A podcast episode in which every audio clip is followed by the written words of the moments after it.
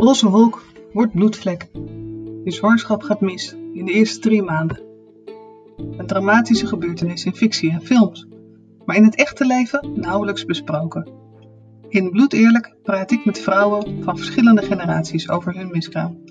Realistisch, een beetje rauw en met aandacht. Omdat er nog veel schaamte, zelfverwijt en ongemak is over dit onderwerp. Terwijl het bij 1 op de 10 zwangerschappen misgaat.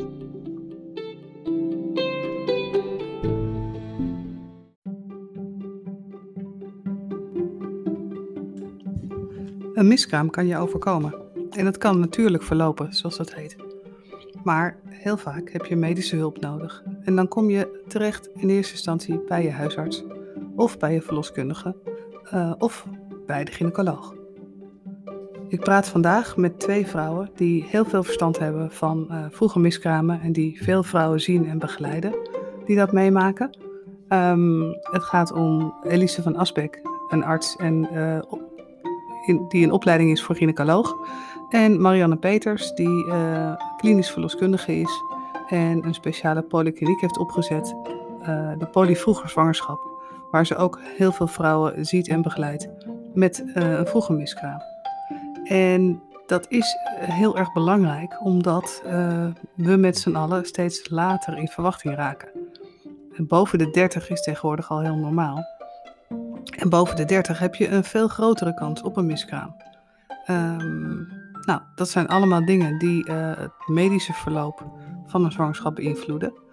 Um, ik ben heel erg benieuwd wat deze twee vrouwen uh, kunnen vertellen over de medische do's en don'ts uh, rond vroege miskramen.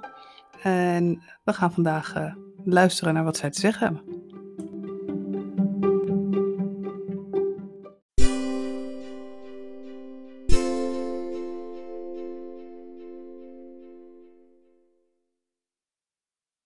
Nou, vandaag uh, praat ik met Marianne Peters en uh, Elise van Asbeck. Welkom. Ja, dankjewel. Dat jullie er zijn. Dankjewel. Ik ga even vragen of jullie uh, om de beurt even kort voor willen stellen, zodat mensen weten nou, wat jullie precies doen in het dagelijks leven. Dan wil ik graag bij Elise beginnen. Ja, dankjewel. Mijn naam is Elise van Asbeck. Ik ben arts en ik ben in opleiding tot gynaecoloog. Ik ben mij aan het specialiseren en daar ben ik al goed, uh, goed aan mee op weg. Ik moet nog twee jaar en, uh, en dan ben ik klaar. En dat betekent dat ik in het dagelijks leven werk op de verloskamers. Ik werk op de polykliniek, ik werk op de afdeling en ik werk op de operatiekamer. En eigenlijk op al die plekken uh, kom ik vrouwen tegen met miskramen. Oké, okay, dankjewel. Marianne? Ja, ik ben Marianne Peters.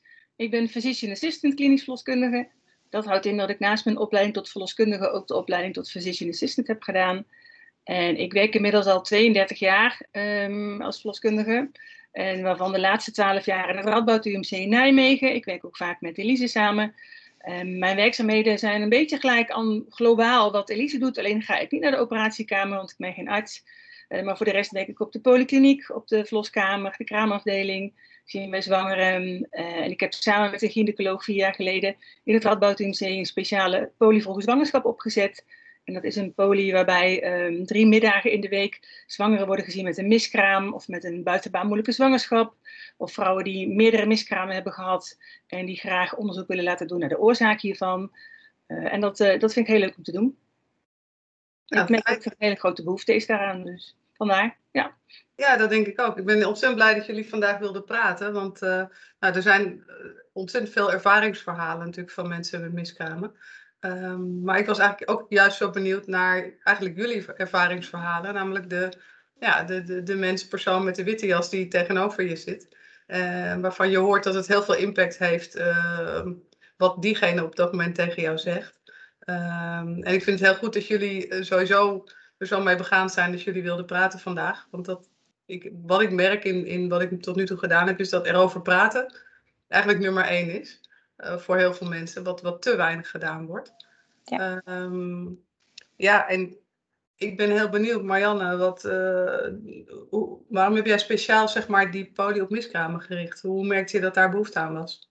Ja, dat kwam eigenlijk omdat uh, zwangeren met een miskraam, of ze nou uit onze eigen populatie zwangeren kwamen of doorverwezen door de verloskundige of de huisarts, die werden eigenlijk door iedereen gezien op een spoedspreekuur. En het hield in dat uh, de behandeling nog wel eens kon verschillen per, uh, per zwangere. Ehm, dat er een ander beleid werd gevoerd, bijvoorbeeld wanneer moeten jullie terugkomen, wanneer adviseer je wel of geen curettage. En we merkten ook gewoon dat er veel meer behoefte was bij deze vrouwen en hun partner aan continuïteit van zorg. Dus dat ze toch een grote kans hadden dat ze dezelfde verloskundigen terug zouden zien, dezelfde hulpverleners, zodat ze samen met die verloskundigen dat traject van die miskraam konden doorlopen. En um, dat, ja, wij merken ook gewoon dat er een hele grote behoefte is daaraan. Vrouwen vinden het ontzettend fijn dat ze vaak dezelfde gezichten zien, dat er eenheid is van beleid. En natuurlijk, de een legt de klemtoon misschien wat anders dan een ander. Maar over het algemeen uh, volgen we met z'n allen dezelfde protocollen en hetzelfde beleid. En dat, uh, dat werkt naar tevredenheid van beide kanten. Ja, dat is natuurlijk heel prettig. En um, hebben jullie bijvoorbeeld ook aparte wachtkamers voor mensen die uh, een miskraam meemaken? Dat ze niet tussen de bolle buiken in de wachtkamer zitten? Nou, op dit moment is het zo dat er nogal wat verbouwd wordt in het Radboud UMC. Waardoor globaal de zwangeren in een andere ruimte zitten dan de vrouwen met een miskraam en de gynaecologiepatiënten. Want die zijn er natuurlijk ook nog op die poli. Um, als straks de verbouwing voorbij is, dan is het wel de bedoeling dat er echt twee enigszins gescheiden wachtruimtes komen. Uh, waarbij de vrouwen met een miskraam in een andere ruimte zitten. Maar we kunnen niet helemaal voorkomen dat ze elkaar niet tegenkomen uh, bij de ingang van de polykliniek. Dus wij zijn ons wel zeer bewust van het feit dat dat belangrijk is. Dus we werken eraan, ja.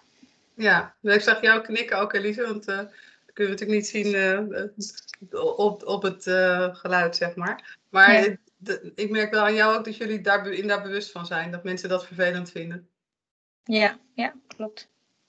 Ja, kijk, dat je zwangere vrouw ziet, kan je niet voorkomen. Hè? Dat is natuurlijk sowieso, als je daarmee bezig bent, dan zie je alleen maar overal zo'n dat, uh, dat is natuurlijk een punt. En Elise, wat ik jou wilde vragen, want uh, mensen worden natuurlijk langzaam uh, wat, ouder hè, als ze aan kinderen beginnen. Mm -hmm. ik was in mijn research ook een beetje aan het lezen dat wij zeggen vaak 1 op de 10 zwangerschappen eindigt in een miskraam. Maar als je boven de 36 bent, is dat al 2 op de 10. Mm -hmm. merken jullie dat ook, dat het daardoor vaker bij jullie langskomt? Um, ja, ik, ik kan niet zeggen, um, het is een zoveel voorkomend probleem dat ik niet echt kan zeggen dat het een toename geeft. Want ik denk dat iedereen uh, in een witte jas op een verloskundepolie gewoon hier onvermijdelijk mee te maken heeft. Dus ik merk dat persoonlijk niet per se, maar het is wel zo dat leeftijd een factor is die, uh, die meeweegt. Dus ik kan me helemaal voorstellen dat je dit gevonden hebt, zeker. Ja, en is dat um, contrast, um, Marianne, wat Elise ook aangeeft, hè? voor jullie is het iets wat heel erg vaak voorkomt. Ja. Um, is dat lastig als medisch professional? Dat het voor iemand zo ingrijpend is, die maakt dat misschien maar één, twee keer in zijn leven mee en denkt daar dan nog heel lang aan? Ja. Dat ook merken. Nou, en voor jullie is het eigenlijk routine. Ik zal heel erg zeggen dat, dat de begeleiding van iemand met een miskraam, dat is, dat is denk ik niet lastig. Dat doen we heel graag. En om even terug te komen op het vorige. De meeste vrouwen beginnen aan kinderen als ze 30 zijn, 31. En dan zit je eigenlijk al vergeleken bij jonge dames van 22 al in een hogere uh, percentage risico op een miskraam. Uh, dus de vrouwen die wij zien, dat zijn bijna allemaal vrouwen van boven de 30. En die hebben dus per definitie al een wat groter risico dan dat ze 22 zouden zijn. Um, en wat betreft de begeleiding bij vrouwen met een miskraam, wat, waar wij nog wel eens tegenaan lopen, is dat um, dat, dat mensen lastig vinden om na de miskraam niet gelijk door te kunnen gaan met opnieuw een zwangerschap na te streven. Een miskraam heeft even de tijd nodig om uh, je lichaam weer te laten herstellen. Het heeft even tijd nodig dat je cyclus weer is hersteld. En dan kan het zomaar zijn dat na een miskraam dat het toch wel twee, één, twee maanden duurt voordat je weer ongesteld bent. En daarna dus weer zwanger kan worden. En dat is denk ik ook een gevolg van het feit dat we gelukkig zwangerschap voor een deel kunnen plannen. Dat het ons niet meer overkomt. Maar dat wekt soms ook de suggestie dat je, um, dat je dus het verloop van de zwangerschap en de snelheid waarmee je zwanger wordt ook kan bepalen. En dat, daarvan zijn we toch afhankelijk van het lichaam zelf. Ja, die rust is er misschien wat minder als mensen dan 35 zijn en denken ja. de klok tikt. Ja, moeilijk om dan de rust te bewaren. Is ook zo. Ja, en je wilt ze heel graag wat bieden. Um, maar, maar dat, dat, dat kan niet. Het lichaam heeft weer tijd nodig om te herstellen. En dan gaat de cyclus weer op gang komen. En dan krijg je weer een ijsprong. En dan kun je weer zwanger worden. Maar daar kunnen een aantal weken overheen gaan. Ja, ja. ja dan, dan kunnen we met het team een mooi bruggetje maken naar het medische gedeelte. Want uh, uh, ik heb zelf twee keer curatage gehad. En één keer een natuurlijke miskraam. Um, en ik vond zelf die curatages veel prettiger. Omdat je dan... Uh, ja, toch sneller weer op de been bent. en ook ik, in mijn geval was ik ook vrij snel weer zwanger daarna. Ehm, dus ik kan me voorstellen dat vrouwen daar misschien de voorkeur aan geven. Maar ik begreep dat dat medisch niet de voorkeur heeft.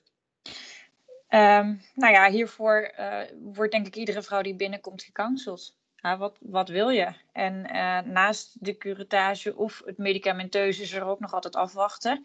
Alleen het heeft alle drie uh, ja, zo zijn eigen voor- en nadelen. En ik kan me heel goed inleven in wat jij me vertelt. En dat hoor ik van veel patiënten. Dat ze zeggen, ja, maar ja, als ik die curettage heb, dan heb ik het ook maar gehad.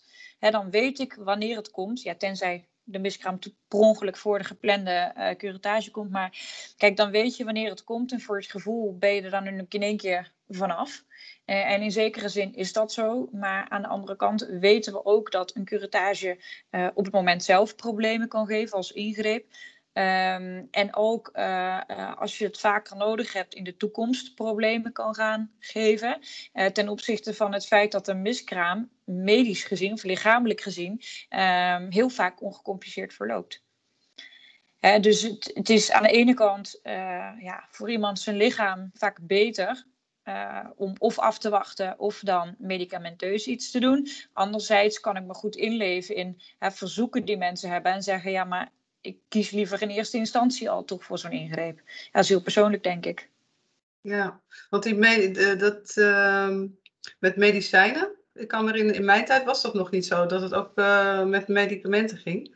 En nee. nu was ik wat uh, aan het lezen, want ik kreeg wat research opgestuurd van onze wederzijdse kennis. um, en wat ik daar interessant aan vond, is dat een combinatie van middelen werkt het beste, zag ik. Misoprostol ja. met mifepriston. Klopt. Maar dan zit de abortuswet zit daarbij in de weg.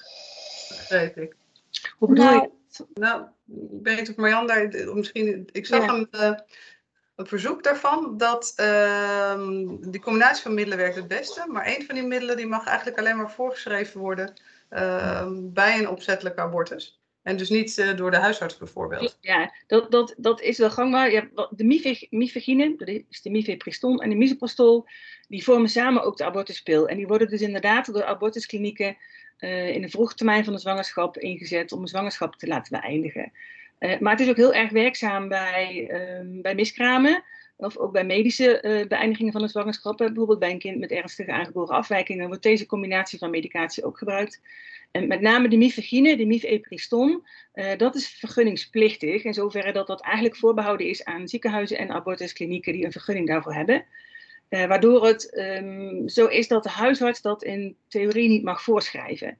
Ik weet wel dat er op dit moment gezocht wordt naar manieren om, en wegen om het toch bij de huisarts te kunnen laten plaatsvinden, zodat de huisarts kan voorschrijven. Maar zover ik weet is dat nu nog niet het geval. Elise, ik weet niet wat jij ervan uh, uh, weet, van de, stand van zaken.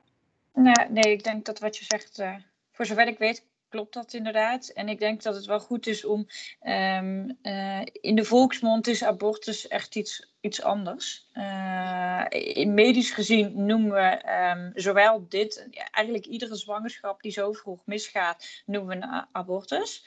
Um, hè, maar het afbreken van een ja, niet gewenste of niet geplande zwangerschap, die gewoon verder goed aan het ontwikkelen was, is in de volksmond dan een uh, abortus en dit is dan een miskraam.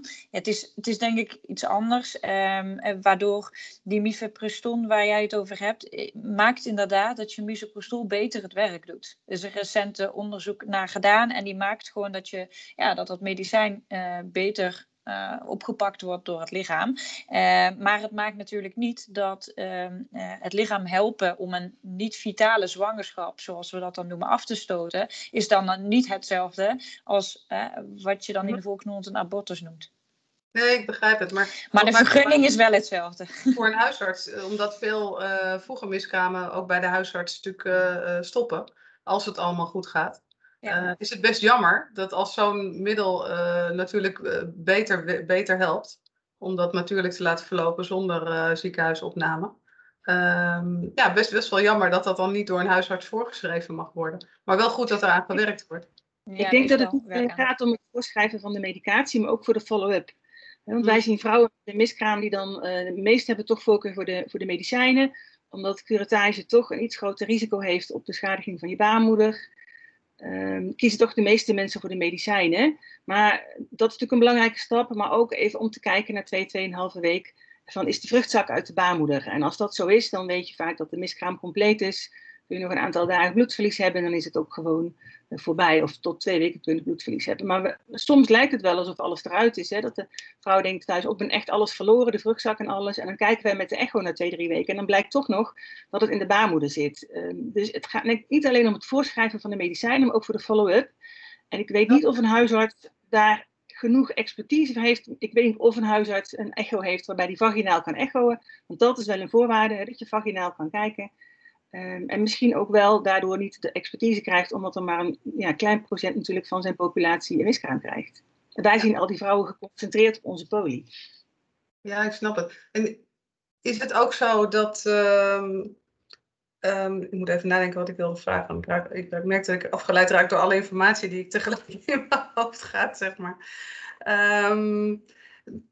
Hoe is het bij jullie als vrouwen dat uh, al dat bloedverlies meemaken? Want dat voel ik me een beetje af. Er was laatst wat uh, uh, informatie over dat er ook een lichte vorm van posttraumatische stressstoornis kan ontstaan. Eh, en dat lijkt me het nadeel van het natuurlijke verloop van die miskraam. Is dat er zoveel bloed, zoveel stolsels. Ehm, en dan moet je misschien daarna alsnog gecurateerd, omdat er bij zo'n echo dan nog wat achterblijft. nou, het is niet zo dat als er wat achterblijft, als je dat ziet, dat er dan meteen een curatage moet worden verricht hoor. Meestal zie je dat bij de volgende menstruatie de restjes weer verdwijnen. Dat is eigenlijk een normaal beloop. Het gaat met name om de grotere resten die bijvoorbeeld blijven zitten en die kunnen problemen geven en dan met name aanhoudend bloedverlies. Uh, en het is ook, ook, niet zo dat iedere vrouw evenveel bloedverlies heeft bij een miskraam. Er zijn vrouwen die nemen de medicatie, die zeggen van ik heb twee, drie uur flink bloedverlies gehad, ik heb een paar stolsels verloren en dat was het. En een andere vrouw heeft bijvoorbeeld toch zoveel bloedverlies een paar dagen dat ze ervoor moet worden opgenomen in het ziekenhuis. Maar zijn dat wel een beetje de twee uitersten. Maar ik zeg altijd, net zoals bij een menstruatie de een ook meer bloedverlies en pijn heeft dan de ander, zie je dat bij het beloop van de miskraam ook. Daar zit wel degelijk variatie in. En ik denk wel dat het wat heel belangrijk is, is om vrouw goed voor te bereiden, dat het meestal verloopt als een pittige menstruatie. En dat, je, ja, dat het belangrijk is dat ze goed verband in huis hebben, pijnstillers hebben, ibuprofen of naproxen, want paracetamol helpt meestal niet voldoende. dus ik denk een goede voorbereiding op wat je te wachten kan staan wel heel belangrijk is. Ja, zeker. Merk jij dat ook, Elise, als je een vrouw spreekt? Uh, ja, zeker. En vooral achteraf. Uh, ik merk het natuurlijk het allermeeste als, de, als de ergens toch iets gemist heeft in de informatievoorziening. Want daar kom je gewoon zelf met steun achter hè, dat, er dat het ergens niet goed gegaan is. Um, ik, denk, ik denk dat het goed is om te weten dat de, de, de reden dat, dat um, uh, als een vrouw opgenomen moet worden of even in het ziekenhuis moet komen, omdat het bloedverlies dermate ruim was dat het een probleem opgeleverd heeft. En we hebben het dan over 1 op de 100 tot 3 op de 100 vrouwen of zo. Dus het is iets wat gebeurt. En natuurlijk kunnen vrouwen 24-7 dan ook daarvoor terecht. Um, maar uh, wel uitzondering en niet de regel. Nou, gelukkig inderdaad. Maar wat je wel merkt is, um, wat ik merk in de volksmond, denken mensen inderdaad, uh, miskraam is een zware menstruatie en het is vooral het geestelijke deel en het uitverwachting raken. Um, en wat ik merk bij de vrouwen die ik spreek, is die ook het fysieke gedeelte juist wel heel confronterend vonden en zich eigenlijk helemaal niet gerealiseerd hadden dat het dus ook zo kan verlopen. Dat je kan flauwvallen omdat je zoveel bloed verliest of dat je nou ja, zoals mijn zus is gebeurd, echt in een plas bloed staat, uh, wat maar blijft komen. Waardoor je een soort carry-achtige ervaring krijgt. Wat, wat best wel naar is als je daarna een gezonde zwangerschap hebt met een gewone bevalling. Er zijn vrouwen die als ze dood zijn om daarna nog te bevallen. Dus ik weet of jullie dat ook meemaken, dat als mensen wel een goede zwangerschap hebben, dat daar een soort angst zit van, uh, ik weet niet of ik dit wel durf. Um, ja, en uh, nou, ik merk het eigenlijk het meeste aan het begin van een zwangerschap ik denk dat je minder uh, onbevangen een nieuwe zwangerschap ingaat op het moment dat je een keer een miskraam hebt meegemaakt, dan wanneer jouw eerste zwangerschap uh, gelijk een voldragen zwangerschap is geweest. Um, uh, en ik merk meestal dat de spanning wat afneemt na een week of tien. Op het moment dat je verder zwanger bent dan de vorige zwangerschap die niet goed verlopen is, dan, dan keert meestal de rust wel weer een beetje. Maar ik kan me heel goed voorstellen dat als je toch thuis veel pijn of bloedverlies hebt gehad bij een miskraam en daarbij alleen was, of dat je heel erg van geschrokken bent of wat dan ook, dat, ja, natuurlijk kleurt dat je voor een bevalling. Zeker. Ja. En denken jullie dat daar bijvoorbeeld, uh, Marianne, met, met voorlichting nog iets aan te doen is? Dat mensen iets beter weten uh, wat ze te wachten kan staan? Of dat ze er wat makkelijker over praten met elkaar? Ja, ik, ik denk dat het, dat, dat het twee verschillende dingen zijn. Wat wij doen is als iemand naar huis gaat met de medicatie, hè, om de miskraam thuis op te wekken, dan geven wij een instructieformulier mee waar precies op staat wat je mag hebben aan medicatie, wanneer je ons moet bellen, wat de telefoonnummers zijn. Dus we proberen echt zoveel mogelijk te benadrukken. Als jij denkt dat het te veel bloed is of te veel pijn, dan bel ons. En de ervaring is dat als vrouwen zeggen dat het te veel of te veel bloed is of te veel pijn doet, dat het ook eigenlijk altijd zo is. um, daarnaast is het ook zo, wat ik merk, is dat vrouwen dat is ook een beetje de tijdgeest, denk ik, pas vertellen aan hun familie of op hun werk of vriendinnen als ze zo 10, 12 weken zwanger zijn. En omdat ze dan eigenlijk uh, zeker weten, bijna zeker weten, dat die zwangerschap gewoon goed is. Uh, wat natuurlijk het gevolg heeft dat als jij zwanger bent en je krijgt bij 8, 9 weken een miskraam, dat misschien alleen je ouders het weten of, of een hele goede vriendin of je zus, maar de mensen om je heen niet. En um, dan is het ook heel moeilijk om erover te praten, want niemand wist dat je zwanger was. En niemand weet dan ook dat je een miskraam hebt. En dan zeggen mensen, ja, maar dan moet ik me op mijn werk ziek gaan melden. Hoe moet ik dat dan doen? En ik adviseer daarom ook altijd van, god, probeer toch met wat mensen in je omgeving erover te praten. Mensen die, die je lief zijn, waar je goed contact mee hebt. En je zult zien dat heel veel vrouwen dan zullen zeggen, oh, maar ik heb het ook meegemaakt. Dus, dus erover praten, dat, dat helpt echt. Alleen, ja, wat ik al zei, tegenwoordig is iedereen wat, wat onder voorbehoud zwanger. Hè? Je hebt de, de eerste echo, je hebt de, de, de 10, 12 weken echo, je hebt de 20 weken echo, je hebt de bloedtest, de NIPS. Er zijn zoveel momenten in de zwangerschap waarop de conditie van het kindje wordt onderzocht. Dat, dat het soms steeds later wordt dat mensen vertellen dat ze zwanger zijn, omdat ze eerst een aantal testen gehad willen hebben. Maar als niemand weet dat je zwanger was, weten ze ook niemand dat je een miskraam hebt. En dan, dan kan niemand je ook of bijna niemand je bijstaan. Terwijl dat gewoon ook belangrijk is. Ik zeg altijd, mensen willen delen in je vreugde om een zwangerschap, maar ze willen ook jou helpen in jouw verdriet om de misgaan. Ja, dus je zou eigenlijk zeggen, vertel het wat eerder dat je in verwachting bent. Hè? Want dat, dat, die, dat wachten tot 12 weken is eigenlijk nog een beetje ouderwets volgens mij. Ja, als je bij, bij 9 à 10 weken een goede echo hebt, um, dan is de kans op een miskraam echt heel klein. Die 12 weken is inderdaad nog een, een, een beetje een ouderwetse grens van, van een aantal jaren geleden, toen we nog niet standaard bij iedereen een echo maakten. En nu weten we, als je zo 9 à 10 weken bent, soms al wat vroeger, dat als het dan goed is, dan is de kans op een miskraam heel klein. Ja, nooit nul, maar wel klein. Ja, maar ik had dat zelf ook. Ik ben, ik ben nog van de generatie dat je geen echo kreeg uh, met 12 weken. En dan, toen ging het met 13 weken mis. Dus precies na het vertellen. Uh, maar aan de ene kant was dat best wel goed. Want omdat we dus aan iedereen verteld hadden toen. Ja, de landing was natuurlijk wel heel hard. Uh, maar aan de andere kant, het, het begrip was ook groter misschien is dat ook wel. Uh, ja, ik had het er laatst ook met iemand over. Die zei van ja, het is heel erg persoonlijk, weet je wel. Ik zeg ja, maar ja, als je je blinde darm laat verwijderen, is dat ook heel erg persoonlijk. En dan zou je niet aarzelen om dat tegen iemand te zeggen wat je gehad hebt. Ja, dat is, het is, ja, ik, en ik ben best wel benieuwd naar waar dat, waar dat dan in zit. Ik kan me wel voorstellen, als je misschien nog niet op je werk hebt verteld dat je een kinderwens hebt. Mm Dat is natuurlijk privacygevoelig. Maar aan de andere kant wordt er nu gelobbyd om een miskraamverlof in te voeren ook. Hè? Een wettelijk mhm. verlof als je een miskraam hebt gehad. Dus ja, als je dat wil gebruiken, dan moet je dat natuurlijk wel vertellen. Ja, ja.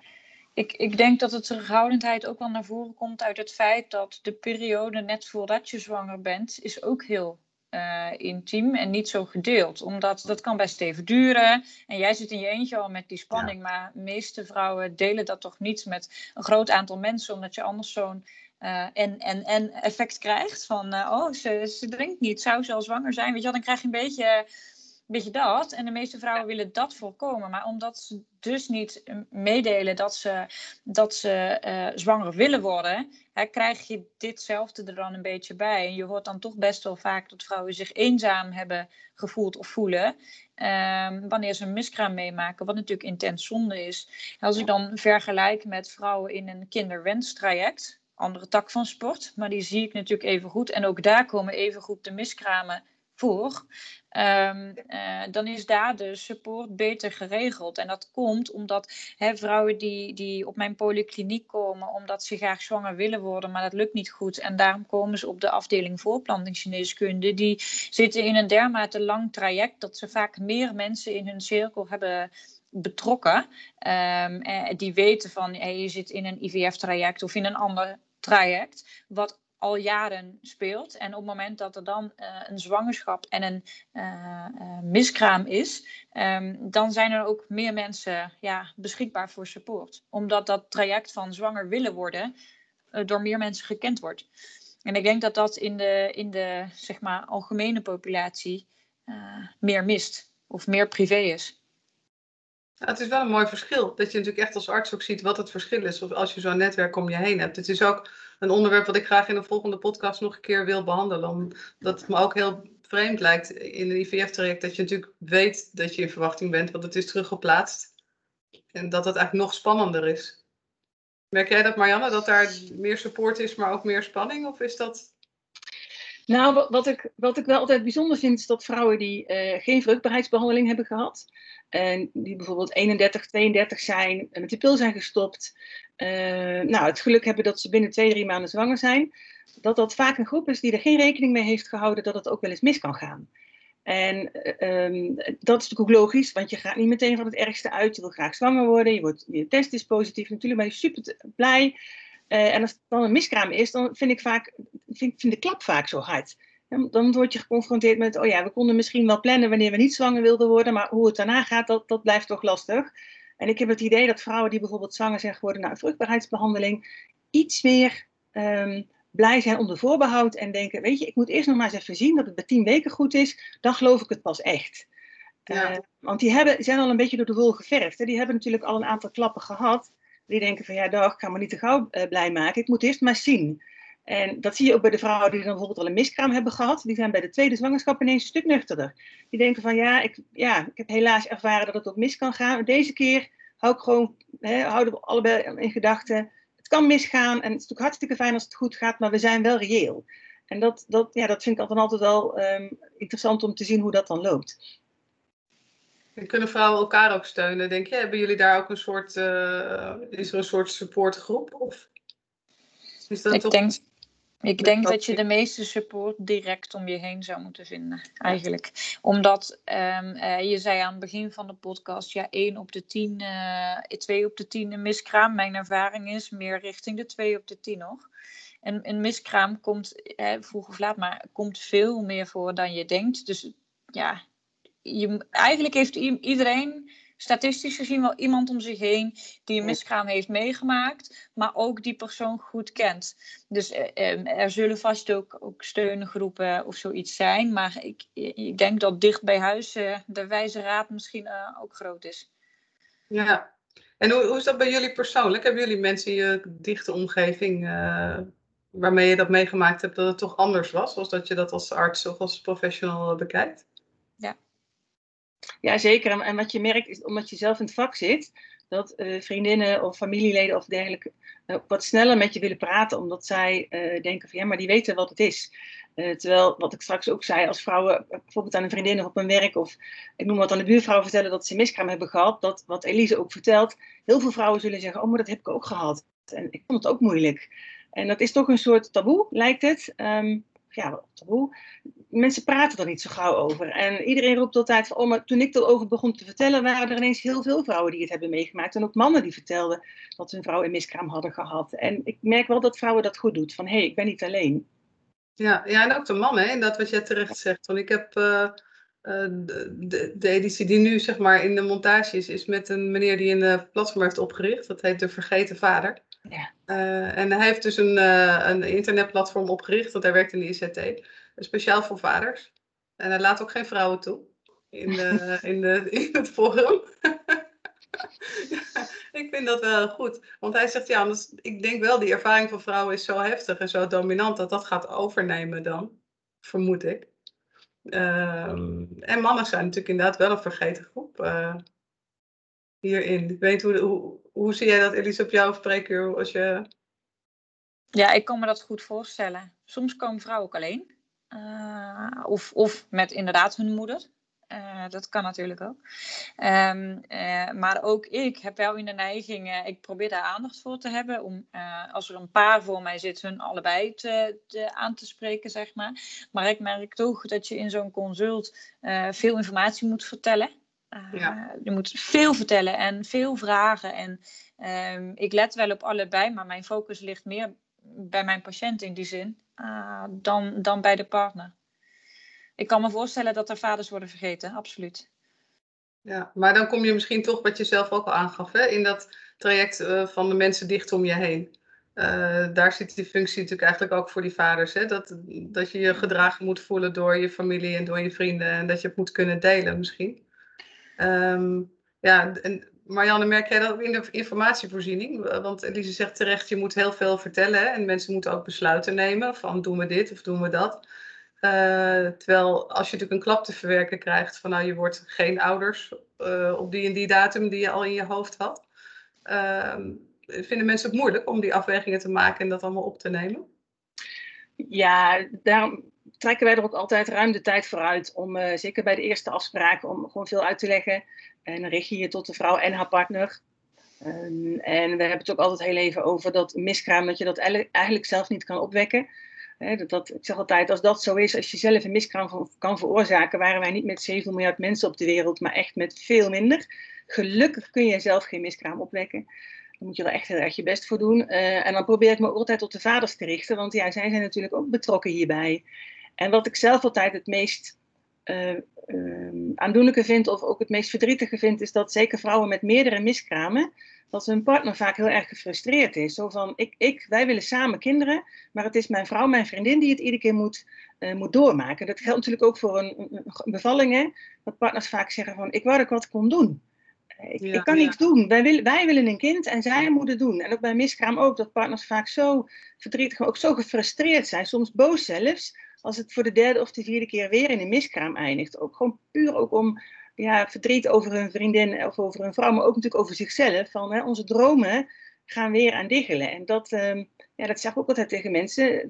Mensen zien niet dat je een miskraam hebt gehad, maar ze zien ook niet dat je je illusies en je dromen kwijt bent. Uh, misschien voor de eerste keer, misschien voor de derde, voor de vierde keer. En je weet al een paar weken, misschien zelfs al wat langer, dat je zwanger bent. En je ziet je hele toekomst voor je. Je verjaardag van je kind. Je ziet jezelf met de kinderwagen lopen. Je denkt dan na over wat voor school. En ineens komen aan al die dromen een einde. En dat ziet niemand. En dat maakt het zo belangrijk om, um, om je verdriet en om je vragen en je zorgen te delen. Ja, ik denk het ook. Zeker. En dat is natuurlijk ook nog een heel groot verschil hè, tussen mensen die na meerdere miskramen toch alsnog een goede zwangerschap meemaken. En mensen die eindigen met, met ongewenste kinderloosheid, maar die wel uh, dat gevoel hebben gehad van ja. ouders zijn of ouders worden.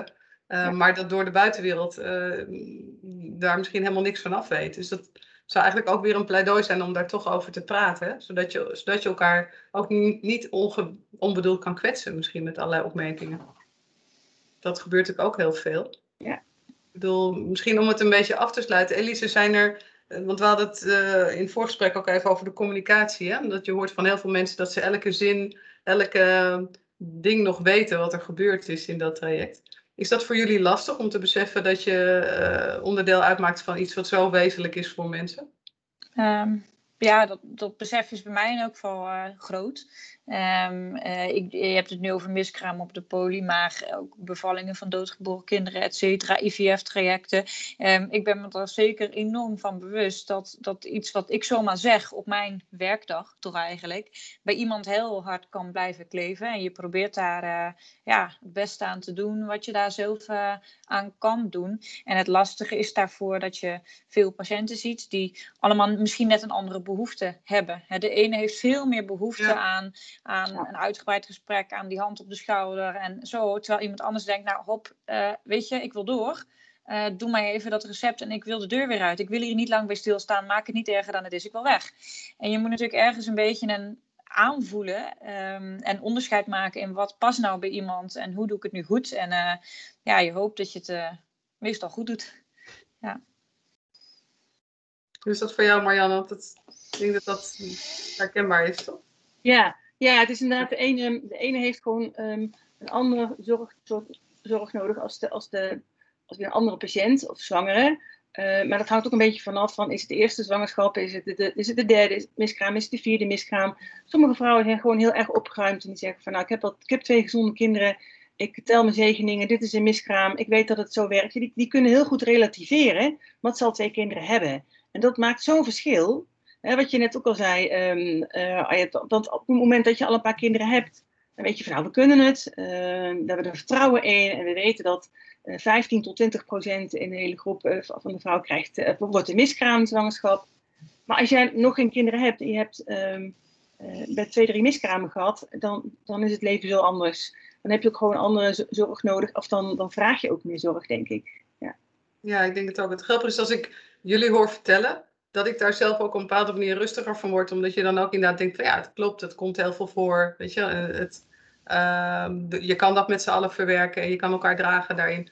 Uh, en dan vind ik het eigenlijk nog, nog meer jammer dat er zo weinig over gepraat wordt. Ik, ik heb zelf twee dochters en uh, mijn zus heeft twee dochters, waarvan er eentje net een kindje heeft van één jaar. Uh, en, en zo kwamen we er eigenlijk op dat we er eigenlijk met onze meiden ook te weinig over gepraat hadden. Terwijl we wel allebei met lichte buikpijn zaten toen de oudste vertelde van uh, uh, ik ben in verwachting, weet je. Dus je wil alleen maar juichen en, en we hadden allebei zoiets van oké, okay. dat is leuk, weet je.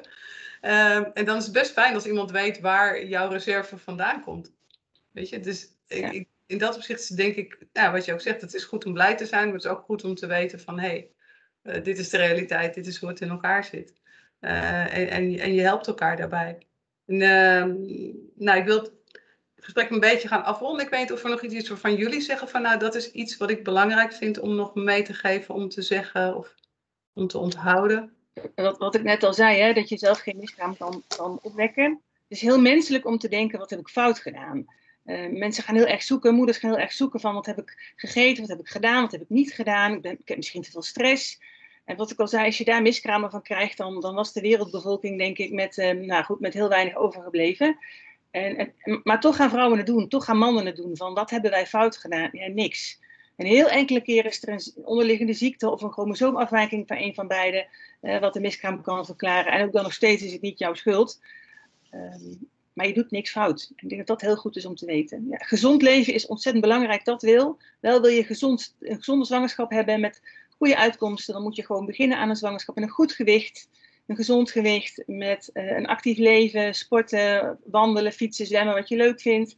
Uh, gewoon gezond leven. En dat is de allerbeste um, start voor een zwangerschap en een, en een leuk kind daarna. Hm. Nou, mooie woorden. Elise, heb jij nog iets uh, toe te voegen waarvan je zegt van nou, dat, dat is iets wat ik wel zou willen meegeven? Um, nee, ja, weet iemand te vinden. Um, zeker. Ik merk wel, maar misschien is dat ook de bril die ik op heb uh, als professional, dat er toch ook meer aandacht voor komt. Uh, je ziet toch een beetje op social media, stiekem in de krant hier en daar, of in een tijdschrift, zo'n podcast. Je krijgt toch uh, dat het een meer geaccepteerd onderwerp is, zeg maar, waar meer over te praten komt. En ik denk dat dat, ja, dat, dat fijn is tegen de eenzaamheid. Al hoor je maar een beetje herkenning om je heen, ja, dan is dat natuurlijk heel erg fijn. En um, ja, ik denk dat. Oké. Nou, dan uh, wil ik het hierbij uh, het officiële gedeelte afsluiten. Jullie heel erg hartelijk bedanken, want ik vind het als professional vind ik het nog moediger om uh, daarbij je nek uit te steken en te zeggen ik ga meedoen en um, ja, bel mij maar op. Dus een hele grote dankjewel aan jullie allebei en nou, weet dat jullie er mensen mee helpen. Ja, mag, ik, mag ik nog één dingetje toevoegen? Ja, heel graag. Op dit moment is er weer een campagne van het Trimbos Instituut over stoppen met roken. En dat is wel de tip die ik wil, nog wil meegeven aan, aan, moeders die zwanger willen worden, aan vrouwen die zwanger willen worden en hun partner. Um, stoppen met roken kan wel je zwangerschapskansen beïnvloeden. Het zwanger worden, misschien ook wel kans, iets hogere kans op een miskraam, maar van roken weten we gewoon dat is een factor. Um, dat moet je niet doen als je zwanger wil worden en als je zwanger wil blijven en ook niet als je een kind hebt. Uh, dus stoppen met roken is ontzettend belangrijk. Ja. Hele goede medische tip nog zo op de, ja. als uitsmijter. Heel goed, dank jullie wel.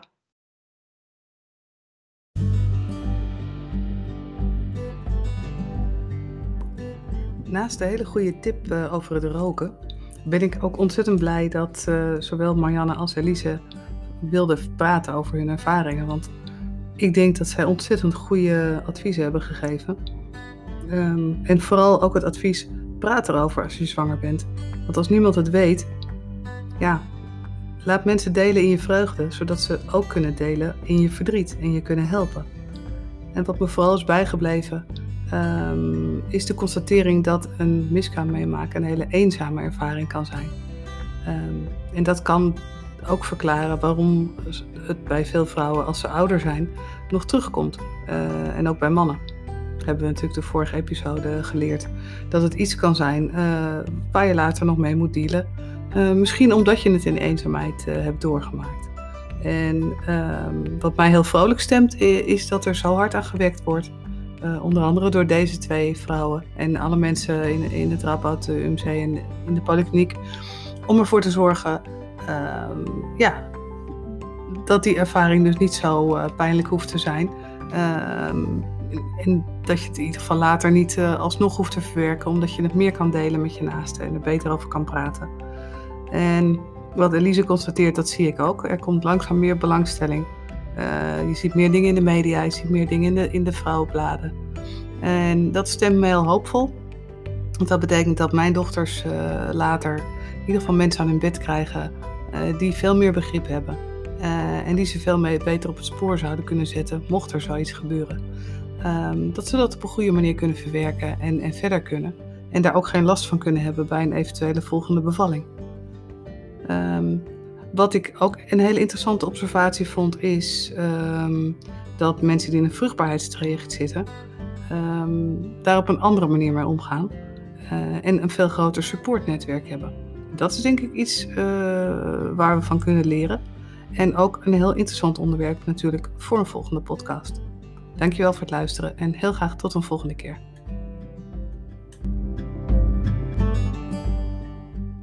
Wil je bijdragen aan deze podcast of heb je een suggestie voor een gast? Mail dan naar anja.corbijncs.nl Heb je hulp nodig of wil je praten over het verwerken van een miskraam? Je kunt contact opnemen met je huisarts of kijk op miskraamverwerken.nl. Bloed Eerlijk is een onafhankelijke productie van Corbijn CS van Anja Corbijn. Ik ben contentmaker en financieel journalist en maak deze podcast op persoonlijke titel.